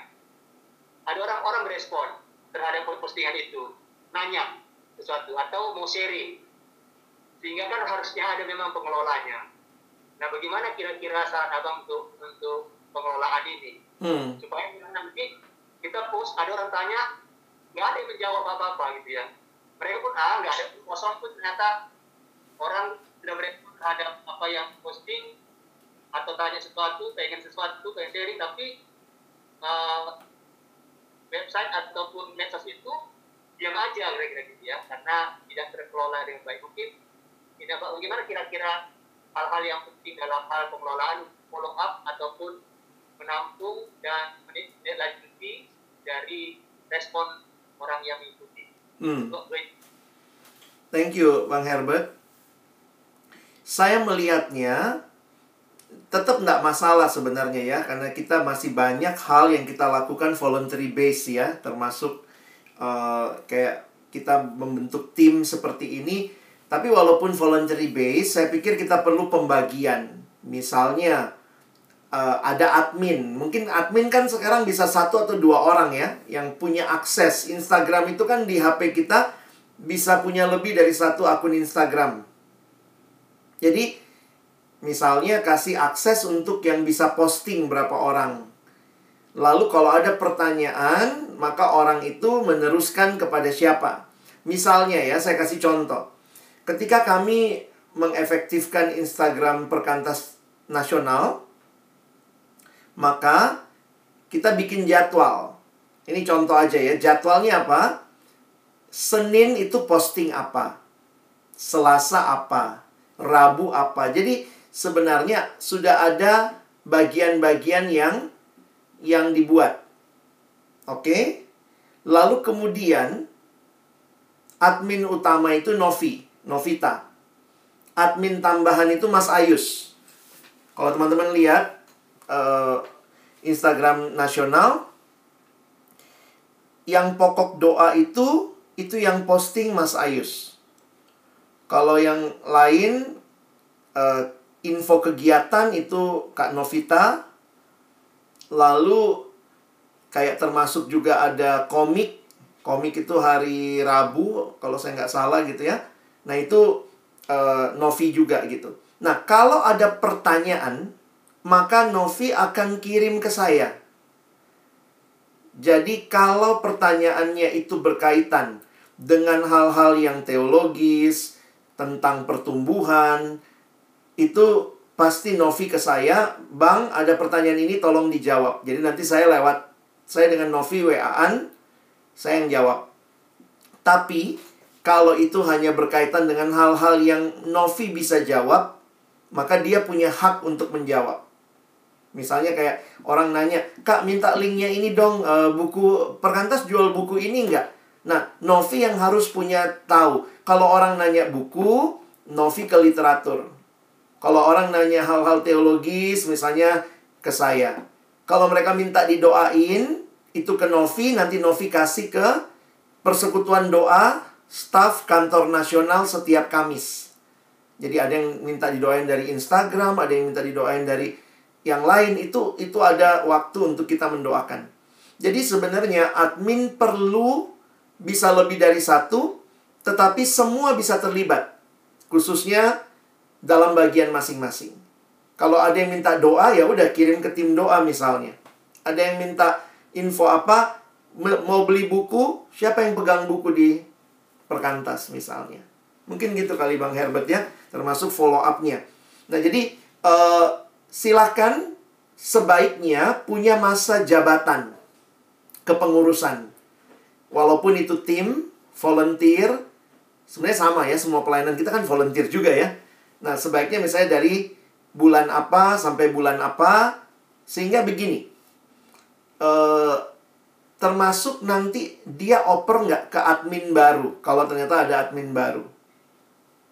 Saya pikir begitu kali ya, untuk uh, manajemen media sosial yang yang bisa kita lakukan. Oh, Terima kasih, Bang. Iya. Nah, ini ada yang baik chat. Hmm. Nah, mungkin abang juga bisa buka. Ini ada pertanyaan bahwa apakah yang dinamakan menjadi garam dunia itu kalau postingannya itu hanya tentang firman Tuhan. Nah, sedangkan dia kadang-kadang dia share firman, tapi kadang-kadang juga share review buku, quotes, bahkan foto-fotonya. Hmm. Nah, nah, menurut abang bagaimana apa yang dimaksudkan dengan menjadi garam dunia itu, bang? Kadang juga dia review film katanya. Hmm. Mungkin film Korea juga ya. Drakor bang, drakor. Aku juga penggemar drakor, jadi hati-hati kalian. Oh, abang ini. Eh, enam dosan ya, enam dosan. ya. Boleh nggak abang tanya balik?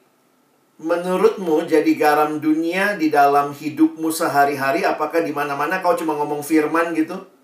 Sama temanmu gitu. Oh iya, eh, Yesus adalah terang dunia. Oh, oh iya, ini lagi bicara eh, roti hidup ya. Enggak kan? Nah, karena enggak maka saya tidak masalah. Your life, when it's already transformed by Jesus, even your picture. Kadang-kadang saya pikir gini ya. Eh ya tergantung foto apa yang kau posting kan ya. Buat saya no problem loh. Orang ngeliat kita adalah orang yang punya fun times. Kita orang yang punya dunia yang lain selain dunia Alkitab gitu ya. Kita orang yang bisa nikmati drama, kita orang yang bisa nikmati games, kita orang yang bisa nikmati alam waktu kalian post foto alam, kita orang yang bisa nikmati persahabatan, kita orang yang bisa nikmati cake yang enak gitu ya. Somehow saya melihat it's not something yang oh ini bukan Kristen. Kalau Kristen maka semua Instagramnya hanya tentang Yesus. Enggak sih. Cuma akhirnya kan kita akan lihat juga nih apakah yang kita posting itu selalu mikirnya kan ya jadi gini, apakah yang saya posting ini akan memberkati orang lain? Kadang-kadang saya posting foto saya sama istri, kenapa? Untuk melihat ada loh rumah tangga Kristen. Eh, That's that's just so simple. Somehow saya cuma ingin grateful gitu ya. Eh, saya saya Tuhan berikan istri misalnya. Tapi di sisi lain, eh, saya tetap melihat ya hidup kita nggak nggak kompert nggak nggak nggak segmented gitu ya. Di sini kita rohani, di sana kita rohana enggak sih. Be a Christian in every aspect of your life. Makanya eh, mean what you say ya. Kalau kamu tulis status atau apa, kayak ya something that you want to share, even it's just like everyday life ya. Oke. Pak. Jadi poinnya transform life, jadi yang sudah transformasi, baru dari situ akan kelihatan kontennya. Tapi Iya. ini adalah hidup yang transformasi. Oke, Pak. Yang mau open mic barangkali, yang langsung, ya. Silahkan. Silahkan.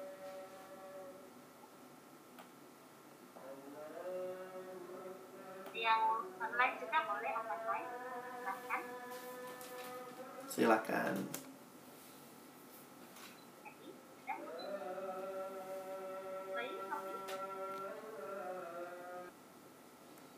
Sil- silakan, Fris. Nah, iya. Tadi aku terkesan apa ya ter tersohok dengan uh, situs porno itu itu kurang lebih 2000 situs setiap hari. Nah, itu membuat aku berpikir kalau tadi kan kita bicara tentang konten-konten pribadi. Nah, aku rasa sih mungkin perlu juga memang ada ada buat yang memang Kristen gitu. Hmm. Karena ini bukan ini bukan pekerjaan personal, tetapi memang ada tim. Ada memang memang kita sengaja kan ada sebuah situs Kristen. Karena mungkin karena orang orang muda tidak melihat situs-situs Kristen yang memang menarik untuk dilihat, sedangkan porno itu 2000 tambah setiap hari itu sangat.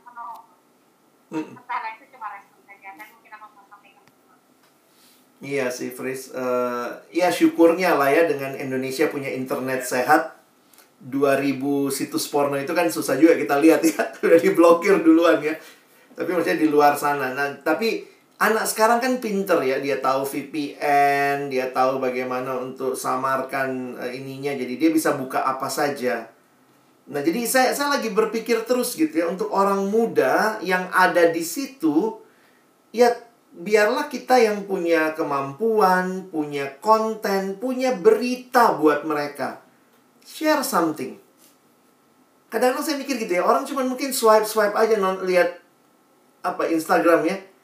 Tapi kalau ternyata yang dia swipe itu sesuatu yang touch dengan hidupnya gitu ya wow, we can be a blessing. Even simple as that.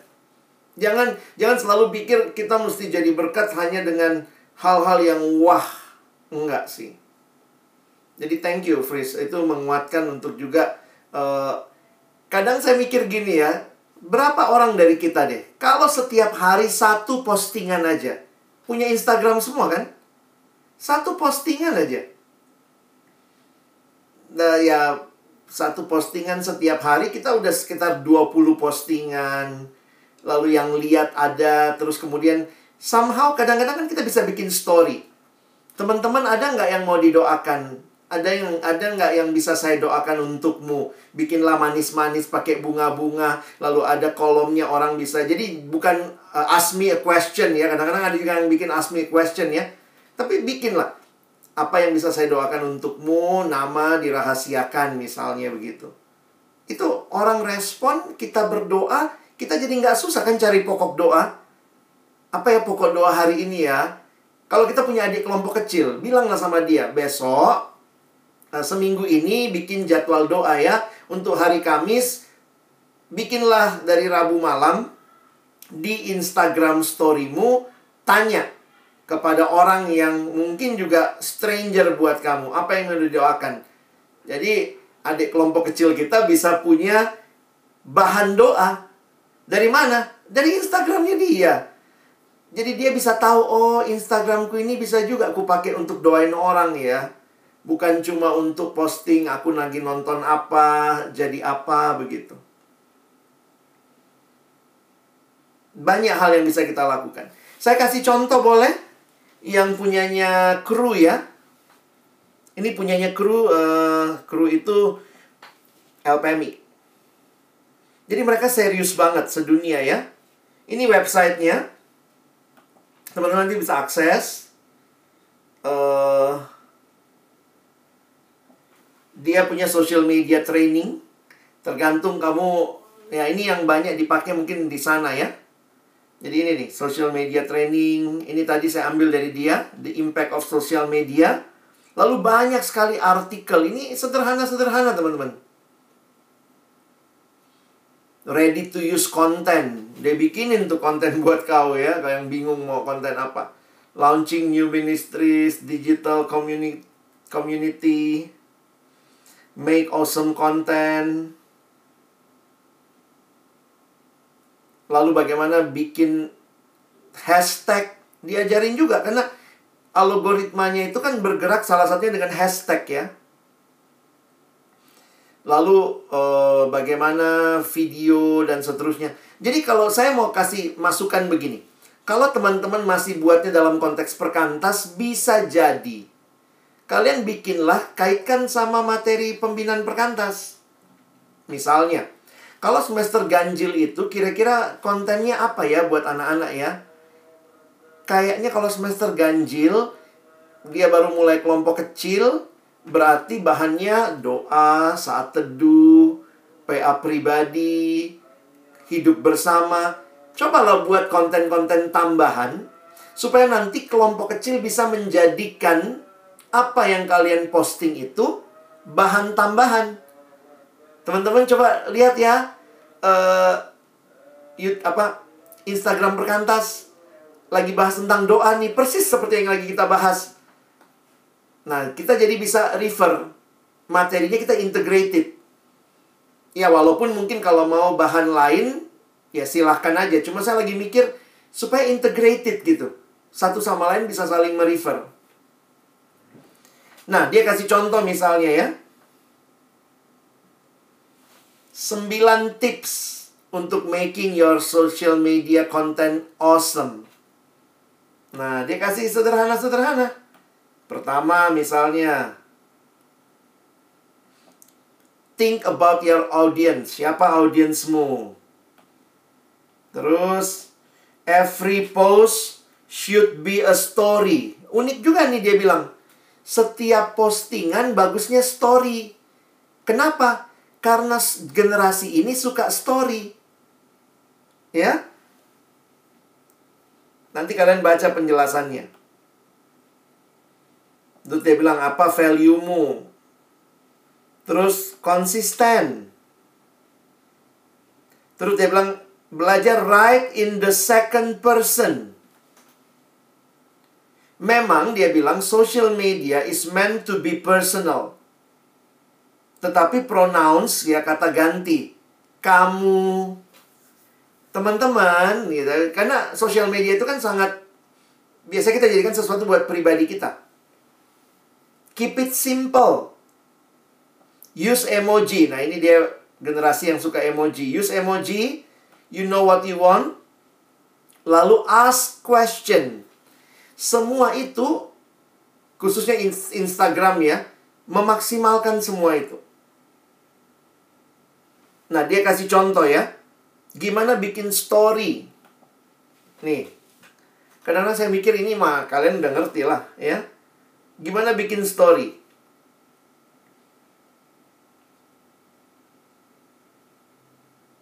Nah, dia bilang mulai ya. Yang pertama, mulailah dengan hal yang sederhana. Start of simple. Misalnya, postinglah ayat. Misalnya gitu kan di storymu. Ini kan 10 detik muncul. Tanya, ask if there are any prayer request. Ada yang mau didoakan? Nah, dia bilang, I'd like to pray for you. Tell me how can I be praying for you. Lalu, use the video or live features to tell your testimony. Terus be transparent, share tools. Nah ini teman-teman bisa lihat lah ya hal-hal yang get creative. Finally, let people know they can ask you question. Jadi bisa. Teman-teman kalau ada yang mau bertanya, silakan DM ya misalnya begitu. Ini materi solarium. Kalau kalian tertarik, bisa cek, solarium itu sebenarnya pembuka percakapan. Jadi itu ada gambar, gambar itu disuruh pilih. Mana yang paling menggambarkan kondisimu sekarang. Jadi, karena ini generasi image driven, jadi bukan nanya, oke teman-teman kita sharing ya, gimana kondisimu sekarang? Langsung diam itu anak sekarang. Tapi diminta pilih gambar yang paling mewakili kondisimu sekarang. Nanti kan dia pilih. Terus, kenapa gambarnya itu? Boleh cerita nggak? Nah, itu biasanya lebih masuk. Jadi solarium itu bisa di-download di aplikasi di Google. Ini ada training videonya, gimana cara pakainya dipakai di kelompok kecil bagaimana. Jadi mereka cukup serius dalam hal itu. Nah, ini secara internasional mereka buat. Oke, mungkin itu dari saya ya. Makasih banget loh. Mungkin ada satu lagi teman-teman waktu kita sudah tidak sebentar lagi yang silakan yang langsung. Mungkin dari tadi sudah diwakili ya oleh saya, tapi mungkin Hah? Oh, oke oke oke. Abang Depo, Kalian memang sengaja dibalik namanya ya. Yang Herbert yang wanita, yang Fris yang pria. Ya kompak ditengok orang Jawa itu bang. Menyatu memang, nggak bisa terpisahkan. Silakan kawan-kawan. Waktu kita tinggal sebentar lagi. Paling lama 10 menit lagi. Silakan. Ini ini ini. Oh, iya Bang. Silakan langsung open. Oh? Enggak. Halo Bang. Halo, Kedengaran? aku mau tanya, hmm, aku kan eh, mimpin mahasiswa, tapi ada di pelayanan alumni juga. Nah, kalau misalnya nih aku mau maksimalkan sosial media yang aku punya, apakah aku harus menentukan dulu sasaranku sebenarnya siapa? Karena kan aku adanya di mahasiswa dan aku juga ada di alumni kayak gitu. Karena alumni kan itu eh, jarak usianya pasti jauh-jauh gitu ya atau aku harus gimana pilih salah satu atau aku buat yang secara umum ini coba Ya, makasih. Ya, ini kepekaan kepada siapa yang kita layani penting. Tapi nanti juga begini. Sebenarnya kalau kalian pengguna sosial media, kalian perlu tahu batasan-batasannya. Misalnya, yang namanya feed Instagram hanya satu menit. Kalau di swipe, ya bisa sampai 10 misalnya. Yang namanya story Instagram hanya 10 detik. Kalau IGTV bisa sampai eh, 10 menit. Kalau upload dari laptop bisa sampai satu jam. Nah, maksudnya itu hal-hal yang juga perlu dikombinasikan. Misalnya, mahasiswa mau nggak denger lama?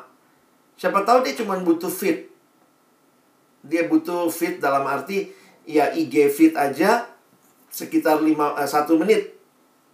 Atau dia butuh lebih panjang, mungkin kamu mesti masukin ke IGTV. Jadi poinnya eh, kenali juga platform yang kamu mau pakai apa. Tapi kalau saya ya, ini nggak tahu ya, kalau saya pribadi melihat seberbeda-berbedanya siswa mahasiswa alumni tetap kok kebutuhannya sama sih. Jadi em, bisa aja teman-teman bicara kebutuhan itu dalam berbagai pola bahasa. Satu kayaknya masuk ke siswa, alumni. Tapi mahasiswa alumni saya pikir sih nggak terlalu beda ya. Mungkin begini, yang membedakan adalah aplikasi yang kamu contohkan. Mungkin dalam alumni kalian kasih contoh-contoh dunia pekerjaan, kalau buat mahasiswa mungkin dunia perkuliahan, nah itu bisa lebih relate sama dia. Tapi prinsipnya kan sama. Misalnya, teman-teman, Tuhan ingatin kita untuk tidak berbohong. Jangan berdusta. Bagi teman-teman mahasiswa, belajar untuk tidak nyontek, tidak apa, jadi jangan berdusta. Nanti bikin lagi untuk teman-teman alumni, Tuhan mengajarkan kita jangan berdusta. Sama sih prinsipnya, tapi contohnya mungkin akan menolong. Karena kalau masalah bahasa, eh, saya belajar ya. Karena saya makin tua teman-teman ya. Karena makin tua, jadi berpikir gini juga. Apa saya harus ikut cara bahasanya anak sekarang? Saya dapat masukan begini. Anak sekarang seneng yang otentik. Ya kalau memang saya sudah tua, ya tua. Ada yang di pelayanan sekarang manggil om, ya apa boleh buat gitu. Kalau saya berusaha dekat, tapi saya kemudian kayak sok jadi muda padahal buat mereka itu menjijikkan udah tuanya abang nggak usah lah sok muda ya jadi saya belajar tetap jadi diri saya tanpa harus karena otentisitas jadi penting buat anak generasi ini dari situ mungkin makanya kalau saya tadi bilang saya ngelihatnya contohnya nanti yang lebih relate mana. Tentu bahasa saya update juga. Apa sih yang dipakai anak sekarang? Receh, oke okay lah ya. Nanti kalau saya komunikasikan sesuatu saya bisa pakai. Tapi kan alumni sekarang kalau nonton TV juga ngerti, dengar radio juga receh banget begitu. Dia mengerti. Jadi saya akhirnya melihat uh, kadang pesannya sih prinsipnya sama aplikasinya yang kamu harus kontekstualkan. Mungkin gitu.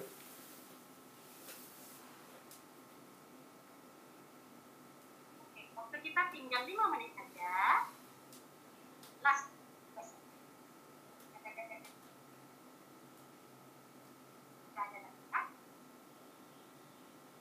yang online mungkin ada yang mau kasih tanda simbol mau bertanya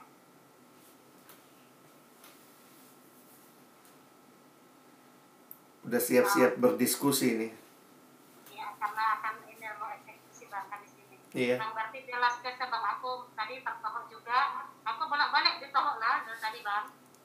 Tentang itu bang, bahwa sebenarnya firman Allah itu tidak ada yang membelenggu. Iya. Kecuali oleh si pemberita. Aku, aduh rasanya gimana ya. Jadi memang sebenarnya begitu banyak pun yang melawan firman atau yang kritik firman Tuhan itu pun tidak pernah membelenggu kecuali kita diam. Hmm.